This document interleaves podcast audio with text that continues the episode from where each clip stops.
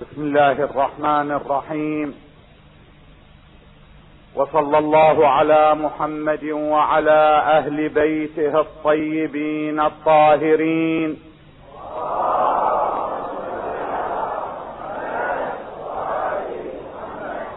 السلام على الإخوة الحضور ورحمة الله وبركاته. أهنئكم اولا بهذه المناسبة المباركة وأقدم أسماء التهاني والتبريكات وأسأله تعالى بحق صاحب هذه الذكرى أن يجعل هذه الذكرى وهذا الاحتفال منشأ للخيرات والبركات علينا في الدنيا وفي الآخرة إنه سميع مجيب. أنا سعيد في هذه الليلة بهذه الذكرى المباركه وسعيد أيضا حيث ألتقي بهذه الوجوه الطيبة المؤمنة التي يلوح عليها وتلوح عليها آثار الإيمان. فشكرا لك يا رب على هذه النعمة ثم شكرا. في محاضرتي هذه أيها الإخوة الأعزاء أريد أن ألقي على مسامعكم المباركة بعض الأسئلة حسب ما يسنح لي به الوقت. السؤال الذي قد يطرح ما الدليل من القرآن الكريم على فكرة الإمام المهدي صلوات الله وسلامه عليه. محمد وما الدليل على ذلك من السنة المباركة؟ وأقصد السنة المتفق عليها بين جميع المسلمين. وقبل أن أذكر لكم الجواب أود أن ألفت أنظاركم الشريفة. إلى أن مسألة الإمام صلوات الله وسلامه عليه ليست مسألة ترتبط بالفكر الشيعي فقط كما قد يتصوره البعض بل إنها مسألة آمنت بها جميع الأديان. فالاخوه من أهل السنة آمنوا بهذه الفكرة. وكتبوا كتبا متعددة في هذا المجال. تحوي الأخبار التي ترتبط بالإمام صلوات الله وسلامه عليه. وفي حدود اطلاعي أنا مطلع على ثلاثين كتاب من الإخوة أهل السنة في هذا المجال. لاحظ سنن الترمذي حيث يقول لا تذهب الدنيا. لاحظوا أيها الإخوة لا تذهب الدنيا حتى يملك العرب رجل من أهل بيتي يواطئ اسمه اسمي. هذا في سنن الترمذي. أي أخ من الإخوة الذي يحب أنا أعطيه المصدر لكن ما اعطي المصدر صفحتين جزءا حفاظا على الوقت. أحمد ابن حنبل يقول في حديث يرويه في مسنده لا تقوم الساعة حتى تملأ الأرض ظلما وجورا وعدوانا. فيظهر من أهل بيتي من يملأ الأرض عدلا وقسطا. بعدما ملئت ظلما. وجورا بعض الإخوة يتصور أن المسألة خاصة بنا نحن الشيعة لا أيها الإخوة. هذه مسألة عامة موجودة عند غيرنا أيضا. ابن تيمية في منهاج السنة وابن حجر في الصواعق والشيخ عبد العزيز ابن باز هؤلاء الثلاثة من أعلام أهل السنة. يصرحون أيها الإخوة هل تتصور أن الأخبار في المهدي مستفيضة صحيحة بل متواترة؟ يصرحون بالتواتر. ويذكرون بعض الخصائص لذلك المهدي أنه يملك الأرض سبع سنين. وأن عيسى يصلي خلفه وأنه من أهل بيت النبي صلى الله عليه وآله. هذه الخصوصيات ذكروها أيها الإخوة الأعزاء. اذا الفكرة فكرة عامة. غايته إحنا إذا نختلف ويا غيرنا في أي شيء نختلف؟ عن هذا المهدي من هو؟ هل هو ابن الحسن العسكري صلوات الله وسلامه عليه وهو مولود في سنة 256 والآن غائب؟ هو ذاك كما نحن ندعي. يقول لا رجل آخر سوف يظهر في آخر الزمان. أصل المسألة أصل الفكرة قضية متفق عليها. هذه معلومة لابد وأن نحتفظ بها أيها الإخوة الأعزاء. قضية ثانية. إحنا عندنا دليل قوي على فكرة الإمام صلوات الله وسلامه عليه غير القرآن الكريم وغير السنة الشريفة. أي دليل؟ قضية وارثناها جيل عن جيل خلف عن سلف. من آبائنا من أجدادنا تلقينا هذه القضية. شلون نثبت أن فلان كان موجود؟ عبد المطلب جد النبي كان موجود. شلون نثبته؟ غير خلف عن سلف هذه توارثنا هالقضية؟ هذه القضية هم جميع الأجيال أجيال الشيعة.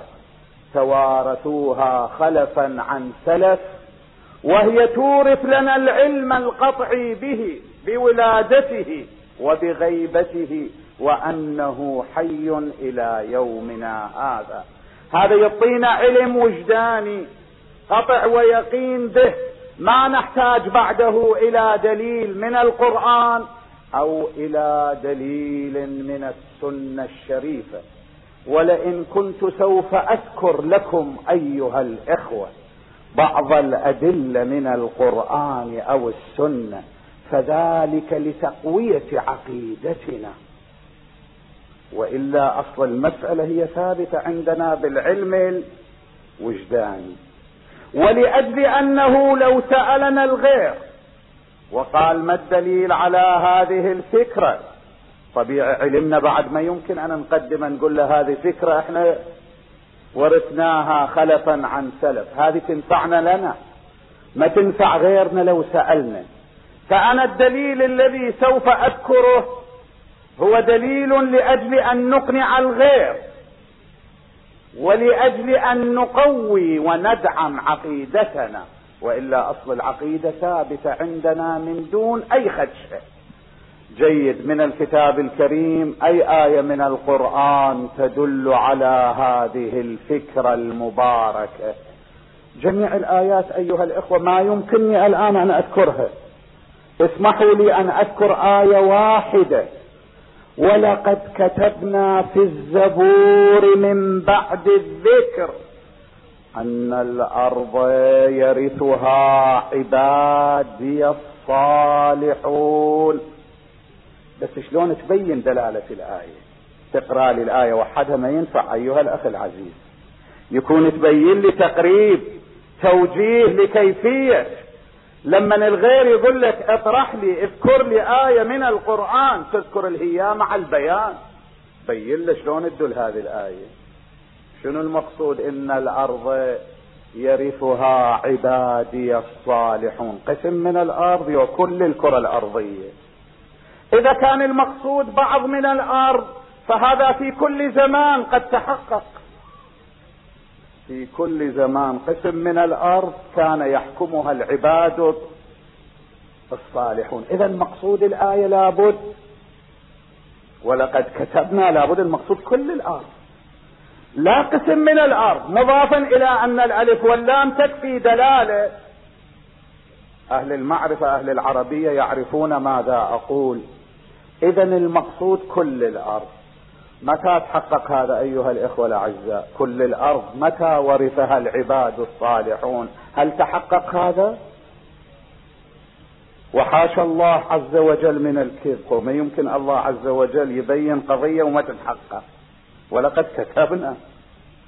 فلا بد تأتي فترة يأتي زمن يتحقق فيه جميع الكرة الأرضية بنص الآية الكريمة. بصريح الآية الكريمة تكون لمن؟ للعباد الصالحين. ومتى هذا يتحقق؟ ليس إلا على يد سيدنا ومولانا. اللهم عجل فرجه وسهل مخرجه. طبيعي الآيات الكريمة أكثر من هذا. علني في الليلة الآتية. اوفق لأن أبين بعض الآيات الأخرى. أما بالنسبة إلى الحديث المتفق عليه الذي يدل على فكرة الإمام صلوات الله وسلامه عليه حديث الثقلين المتواتر. لا بين الشيعة لا. هذا الحديث أيها الإخوة متواتر عند أهل السنة أيضا. إني تارك فيكم الثقلين كتاب الله وعترتي أهل بيتي. ما إن تمسكتم بهما ما شاء الله لن تضلوا بعدي أبدا. الشاهد ليس هنا الشاهد اين وإنهما لن يفترقا حتى يرد علي الحوض. شلون هذا الحديث؟ هذا السندان ما يمكن واحد هذا السندان أيها الإخوة ما يمكن أحد يناقش فيه. تعال للدلالة شلون هذا الحديث يدل على فكرة الإمام صلوات الله عليه. وإنهما لن يفترقا. يعني ما دام الكتاب الكريم موجود إلى جانبه أهل البيت صلوات الله. يعني دائما أهل البيت مع الكتاب موجودين هما مقترنان. الآن الكتاب الكريم هو موجود. أين أهل البيت؟ إذا فكرة الإمام ما نقول بها بغيبة الإمام لا نقول بها. إذا النبي حاشاه أستغفر الله. يكون قد كذب. ويقول لن يفترقا يعني موجودين اثنيناتهم. واحد إلى جنب الثاني. حتى يرد علي الحوض. هذا ميت. يعني إذا قلنا الإمام العسكري صلوات الله عليه توفي من دون ولد. ها؟ اذا افترق الكتاب الكريم عن أهل البيت. وفي ذلك تكذيب للرسول صلى الله عليه وآله. البعض شي يقول بعض الشبهات لعله سمعتوها طبيعي هاي الشبهات قديمة ليست جديدة. لكن البعض أخذ يلوك بها جديدا. وقامت تنطرح بعد على القنوات الفضائية وإلى ما شاء الله. يقولون مع الأسف من عندنا؟ أنه صحيح أكو فكرة الإمام المهدي نسلم بها لكن منو قال الحسن العسكري؟ تولد منه ولد باسم الإمام المهدي صلوات الله عليه وأنه غائب وأنه موجود. لا هذا ما إلى مستند. روايات الذي تدل عليه روايات ضعيفة. بعد ماكو داعي تجلسون هذه الليلة للاحتفال. أنتم بمن تحتفلون؟ على رأي صاحبنا هذا يقول بمن تحتفلون؟ ماكو إمام. ماكو ولادة. ماكو غيبة. لاحظوا الشبهة شلون؟ يعني في آخر الزمان صح يقول أنا أسلم بفكرة المهدي. لكن في آخر الزمان سوف يولد كما يقولون الإخوة من أهل السنة. أما الآن مولود إمام في سنة 255 أو 256 وقد غاب. والآن هو ويانا يساير الأجيال كلها. يقول جيبوا لي دليل ماكو روايات ضعيفة السند هاي شبهة طرحت سمعتم لابد بها. نقول له وين حديث الثقلين؟ رد علمي إذا أريد. توجه أيها الأخ العزيز للرد العلمي. مو القنوات الفضائية قالت على أنه جابه بالردود العلمية. وحديث الثقلين شلون؟ هم نكرة يعني؟ مو حديث الثقلين يقول وإنهما لن يفترقا. لاحظوا. حتى يردا علي الحوض. هذا يتعين يعني أن الإمام المهدي قد ولد. وإلا إذا ما ولد الآن أهل البيت يعني امتداد ما إلهم. إذا ما إلهم امتداد اذا بقي الكتاب الكريم من دون أهل البيت. اذا افترقا قبل أن يردا على النبي صلى الله عليه وآله الحوض. هذا دليل قوي علمي. سندا تام مئة بالمئة. دلالة واضح كما بينت لك. هذا رد علمي على مثل هذه الشبهة. جيد. اذا فكرة الإمام وغيبة الإمام.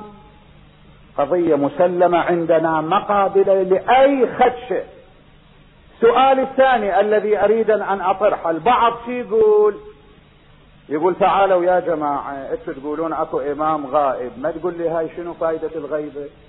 إيوه يظهر حتى نستفيد من عنده. يوم ما موجود أصلا. أما موجود وغائب هذا مثل ما واحد إذا أكو عنده فلوس عنده كتاب عنده شيء ثمين يخليه في من؟ في غرفة ويغلق باب الغرفة. فهذا إيش راح تستفيد آنذاك؟ هذا وجود عبث هذا الكتاب هذه الأموال هذه القضايا الثمينة سوف يكون وجودها لغوا وعبثا. اذا هذه الفكرة فكرة الإمام وغيبة الإمام عبث لأنه ما الفائدة من إمام غائب؟ لا ننتفع. طبيعي هاي الشبهة قديمة والآن أيضا أخذت القنوات الفضائية والكتب تطرح أمثال. هسه أنا حكمة وجود الإمام إن شاء الله إذا وفقت غد أبين لك. بس عندي فرد شيء قبل ما أبين الحكمة اسمح لي أبينه. يعني صار بنائك كل حكم ما تقبله انت يكون إلا أول الحكمة تعرفها من ذلك الحكم؟ هذا تفكير خاطئ أيها الإخوة. اذا صلاة الصبح اتركها مات أيضا. لأن شنو الحكمة من كونها ركعتين قد تصير ركعة واحدة. وثلاث ركعة قد تصير ليش ركعتين صلاة المغرب ليش صارت ثلاثة فقد تصير سنتين؟ الحكمة شنو بين لي؟ إذا صار البناء كل حكم من قبله إلا أن نعرف حكمته. هذا سوف يستلزم أن ننكر كثير من الأحكام. نذهب إلى مكة المكرمة. لا بد وأن تطوف بالبيت سبع مرات قبل السعي بين الصفا والمروة. وليش صار سبع مرات؟ خلي يصير ست مرات. فقد يصير ثمان مرات. ليش البداية من الحجر الأسود والختم بمن؟ بالحجر الأسود. لا قد تصير البداية قبل الحجر الأسود. النكتة الحكمة شنو؟ ما يصير أيها الإخوة. إذا صار البناء كل حكم. أول يكون نعرف حكمته هذا معناه سوف يلزم منه إنكار كثير من الأحكام. المؤمن ما دام يعرف أن الله حكيم وأنه لا يشرع ولا يعمل إلا على وفق الحكمة والمصلحة فعليه بالخضوع التام لكل حكم وإن جهل حكمته. بل التعرف على الحكمة جيد لأجل المعرفة. لكن إذا ما عرفنا الحكمة هذا ليس معناه نجي نضعف أصل الفكرة. نقول اذا فكرة غيبة الإمام هاي باطلة من الأساس لأن الحكمة إحنا ما نعرفها. هذه نقطة مهمة ألفت نظركم لها أيها الإخوة. كثير من عنده هذا التفكير. يسأل عن الحكمة ما هي الحكمة؟ إذا ما قدمنا له حكمة جيدة يصير بناء ينكر أصل أو يشكك في أصل الحكم لا باطل. المؤمن يؤمن بالغيب. بسم الله الرحمن الرحيم. ألف لام ميم. ذلك الكتاب لا ريب فيه هدى للمتقين. ما هي صفات المتقين؟ الذين يؤمنون بالغيب. هذه الصفة الأولى. المؤمن لا يكون مؤمنا إلا إذا آمن بالغيب. آمن بالغيب يعني إيش؟ يعني هناك قضايا الله أعرف بها ونحن نجهل تلك القضايا هذا الإيمان بالغيب. ما دام الأدلة القطعية دلت على غيبة الإمام وجود إمام غائب لن يفترق حتى يرد عليه. هاي دلالتها واضحة. بعد ما إلى معنى أيها الإخوة نجي نسأل ونشكك في الحكم لأجل الجهل بالحكمة. الله عز وجل يخاطب النبي يقول له فلا وربك لا يؤمنون. اللهجة لهجة الآية شديدة لاحظوا. فلا وربك لا يؤمنون حتى يحكموك فيما شجر بينهم. ثم لا يجدوا في أنفسهم حرجا حرجا مما قضيت. يعني في قلبهم مو بعض مرات إحنا نروح للحاكم لكن نخرج من الحاكم المحكوم عليه المها الطرف الذي ما حصل شيء تشوفه شوية في قلبه متأثر. الآية الكريمة يقول لا هالتأثر يكون ما موجود؟ هذا في النفس يكون ماكو عندك فرد شيء إذا قضى النبي بشيء. ثم لا يجدوا في أنفسهم حرجا مما قضيت ويسلموا وهي قضية مهمة ويسلموا تسليما.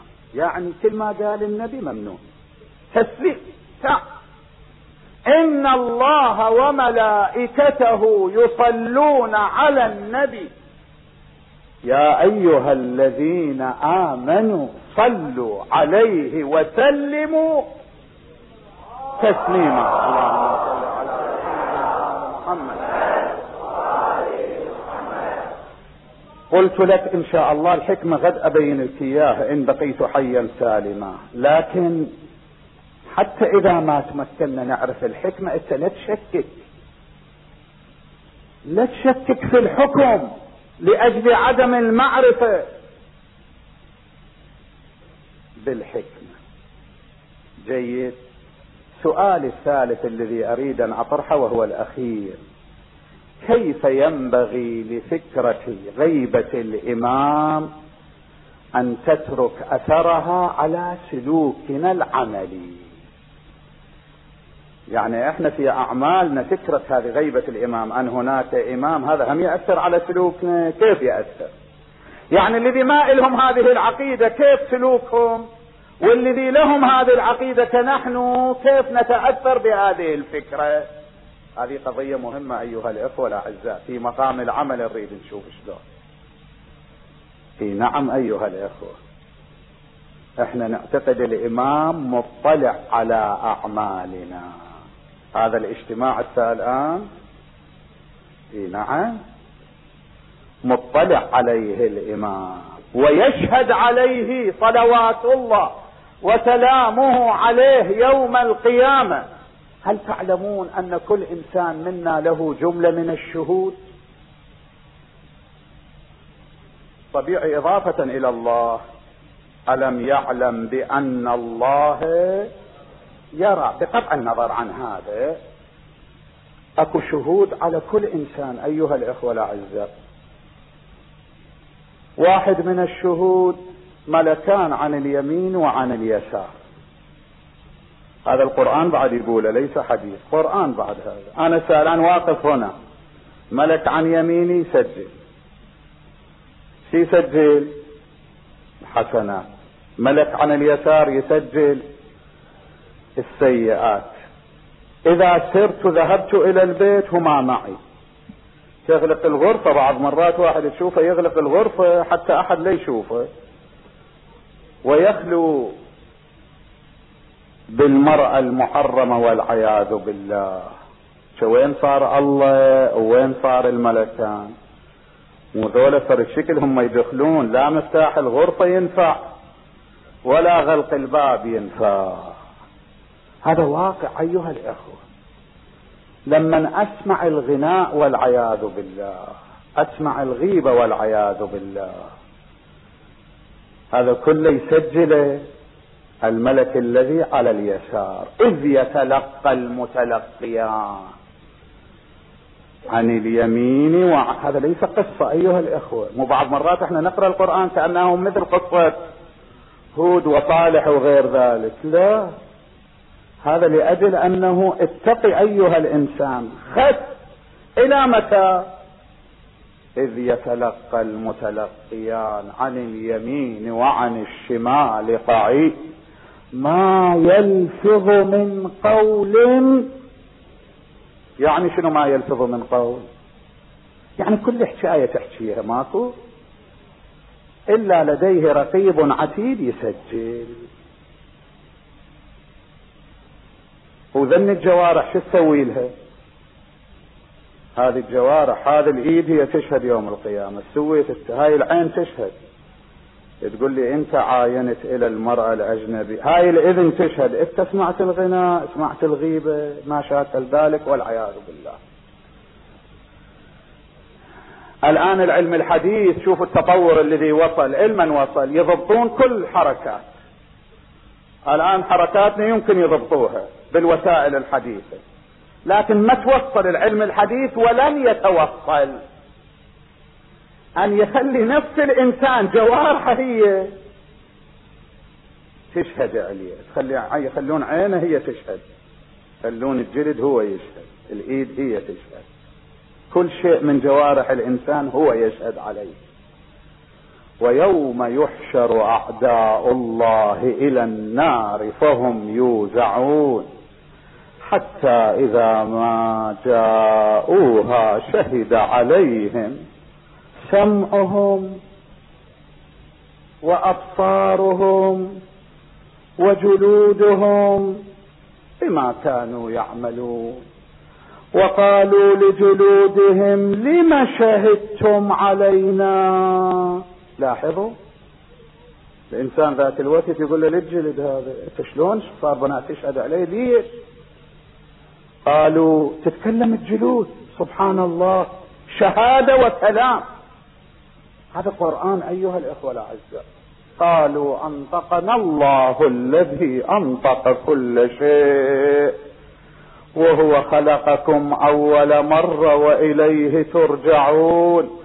وما كنتم تستترون. بناءكم تتخلصون تسترون نفسكم. وما كنتم تستترون أن يشهد عليكم سمعكم ولا أبصاركم ولا جلودكم. ولكن ظننتم أن الله لا يعلم كثيرا مما تعلمون أو تعملون العفو. جيد. اذا الجلد يشهد العين تشهد. خب جيد بعد. وصحيفة الأعمال شو تسوي لها؟ الآن إحنا إذا نريد نروح قضية معاملة اكو عندنا تشوف اخاف ان أتكلم بكلمة؟ خاف يسجلوها علي في صحيفة الأعمال وتكون مأخذ علي. آه؟ وذي صحيفة الأعمال الحقيقية شو ما نخاف من عندها شوف إيش قد إحنا عقلنا ضعيف أيها الإخوة أيها الأخ العزيز. إلى متى؟ إلى متى هذا الذهول؟ وكل إنسان ألزمناه طائره في عنقه ونخرج له يوم القيامة كتابا يلقاه منشورا. اقرأ! كتابك انت بعد هذا كتابك خاص فيك هذا. كفى بنفسك اليوم عليك حسيبا. وذات الكتاب الكبير الذي يجمع جميع أعمال الخلائق. من أول خلقة أبينا آدم عليه السلام وحتى نهاية البشرية جميع الأعمال موجودة في كتاب واحد. أول كنا نقول؟ شلون هذا؟ أي كتاب هذا الذي يحوي جميع أعمال الآن بواسطة هذه الوسائل الحديثة تشوف شيء صغير مجلدات من الكتب بالمئات هو يحملها. والله عز وجل الذي اعطى العقل للإنسان يعني ما يمكن أن يخلق جهاز يضم جميع أعمال الخلائق. نعم. ذلك الكتاب آنذاك كل واحد له صحيفة خاصة به. عملت التسويه ووضع الكتاب. فترى المجرمين مشفقين مما فيه. ويقولون يا ويلتنا ما لهذا الكتاب. لا يغادر صغيرة شو حتى الصغيرة موجودة فيه ولا كبيرة إلا أحصاها. وبعد والأرض الأرض هم تشهد. بس إن شاء الله أنتم تشهد عليكم بخير الأرض. تقولون الجماعة اجتمعوا لميلاد الإمام صلوات الله وسلامه عليه. محمد محمد. إذا زلزلت الأرض زلزالها وأخرجت الأرض أثقالها وقال الإنسان ما لها يومئذ تحدث اخبارها بأن ربك أوحى. آه الله عز وجل يوحي لها تقوم تحدث أخبارها بسبب إيحاء الله عز وجل. أخبارها شنو هي؟ بعد تشهد أن الجماعة هنا جلسوا علي. لهذا الاحتفال المبارك. وواحد من الشهود هو الرسول صلى الله عليه وآله والأئمة عليهم السلام اللهم صل على ويوم نبعث في كل أمة شهيدا عليهم من أنفسهم وجئنا بك شهيدا على هؤلاء. فالرسول يأتي شهيد يشهد. يوم من الأيام يقول الراوي عبد الله الزيات كنت عند الإمام الرضا صلوات الله وسلامه عليه فقال ما لكم تسوءون رسول الله؟ ليش تأذوا؟ يقول واحد كان في المجلس موجود استغرب. أنه شنو معنى إحنا نأذي رسول الله؟ رسول الله وين؟ متوفي قبل سنين إحنا الآن زمان الإمام الرضا. فقال عليه السلام أما تعلمون أن أعمالكم تعرض عليه؟ فإذا رأى فيها حسنة سره ذلك. وإذا رأى فيها سيئة ساءه ذلك. فسروا رسول الله ولا تؤذوه. الرواية هكذا تقول. شخص يقول للإمام الرضا صلوات الله وسلامه عليه سيدي ادعو لي عندي مشكلة. يقول له أولم أفعل؟ وأنا أدعو لك أنا نعم أنا أدعو لك. إن أعمالكم لتعرض علي. فاستعظم الرجل ذلك. أعمالنا تعرض عليك. هاي شلون؟ يعني الإمام يريد يقول أنا أدري بقضيتك مشكلتك وأدعو لك. فاستعظم الرجل ذلك فقرأ عليه السلام قوله تعالى وقل اعملوا فسيرى الله عملكم ورسوله. في هذا الزمان من الذي يطلع على أعمالنا ويرى أعمالنا وتعرض عليه اعمالنا سيدنا ومولانا. أيها الإخوة تعالوا لنسر الإمام المهدي صلوات الله وسلامه. لن اذي هسه إذا كنا في زمن سابق فعلنا بعض الأشياء المجال من الآن مفتوح. تعالوا من الآن فلنتب إلى الله عز وجل. وخلي نفرح الإمام صلوات الله وسلامه عليه. حتما الإمام مستر كثيرا لهذا اجتماعنا وهذا حديثنا. وذكر أهل البيت صلوات الله وسلامه عليهم تعالوا بقية أعمالنا فلتكن كذلك. ونطلب منه من مولانا وسيدنا. ونقول له يا سيدنا ومولانا بحق أمك الزهراء. صلوات الله وسلامه عليها. ادعو الله عز وجل لأن يوفقنا للطاعة ويبعدنا عن المعصية. إنه سميع مجيب والسلام عليكم ورحمة الله وبركاته.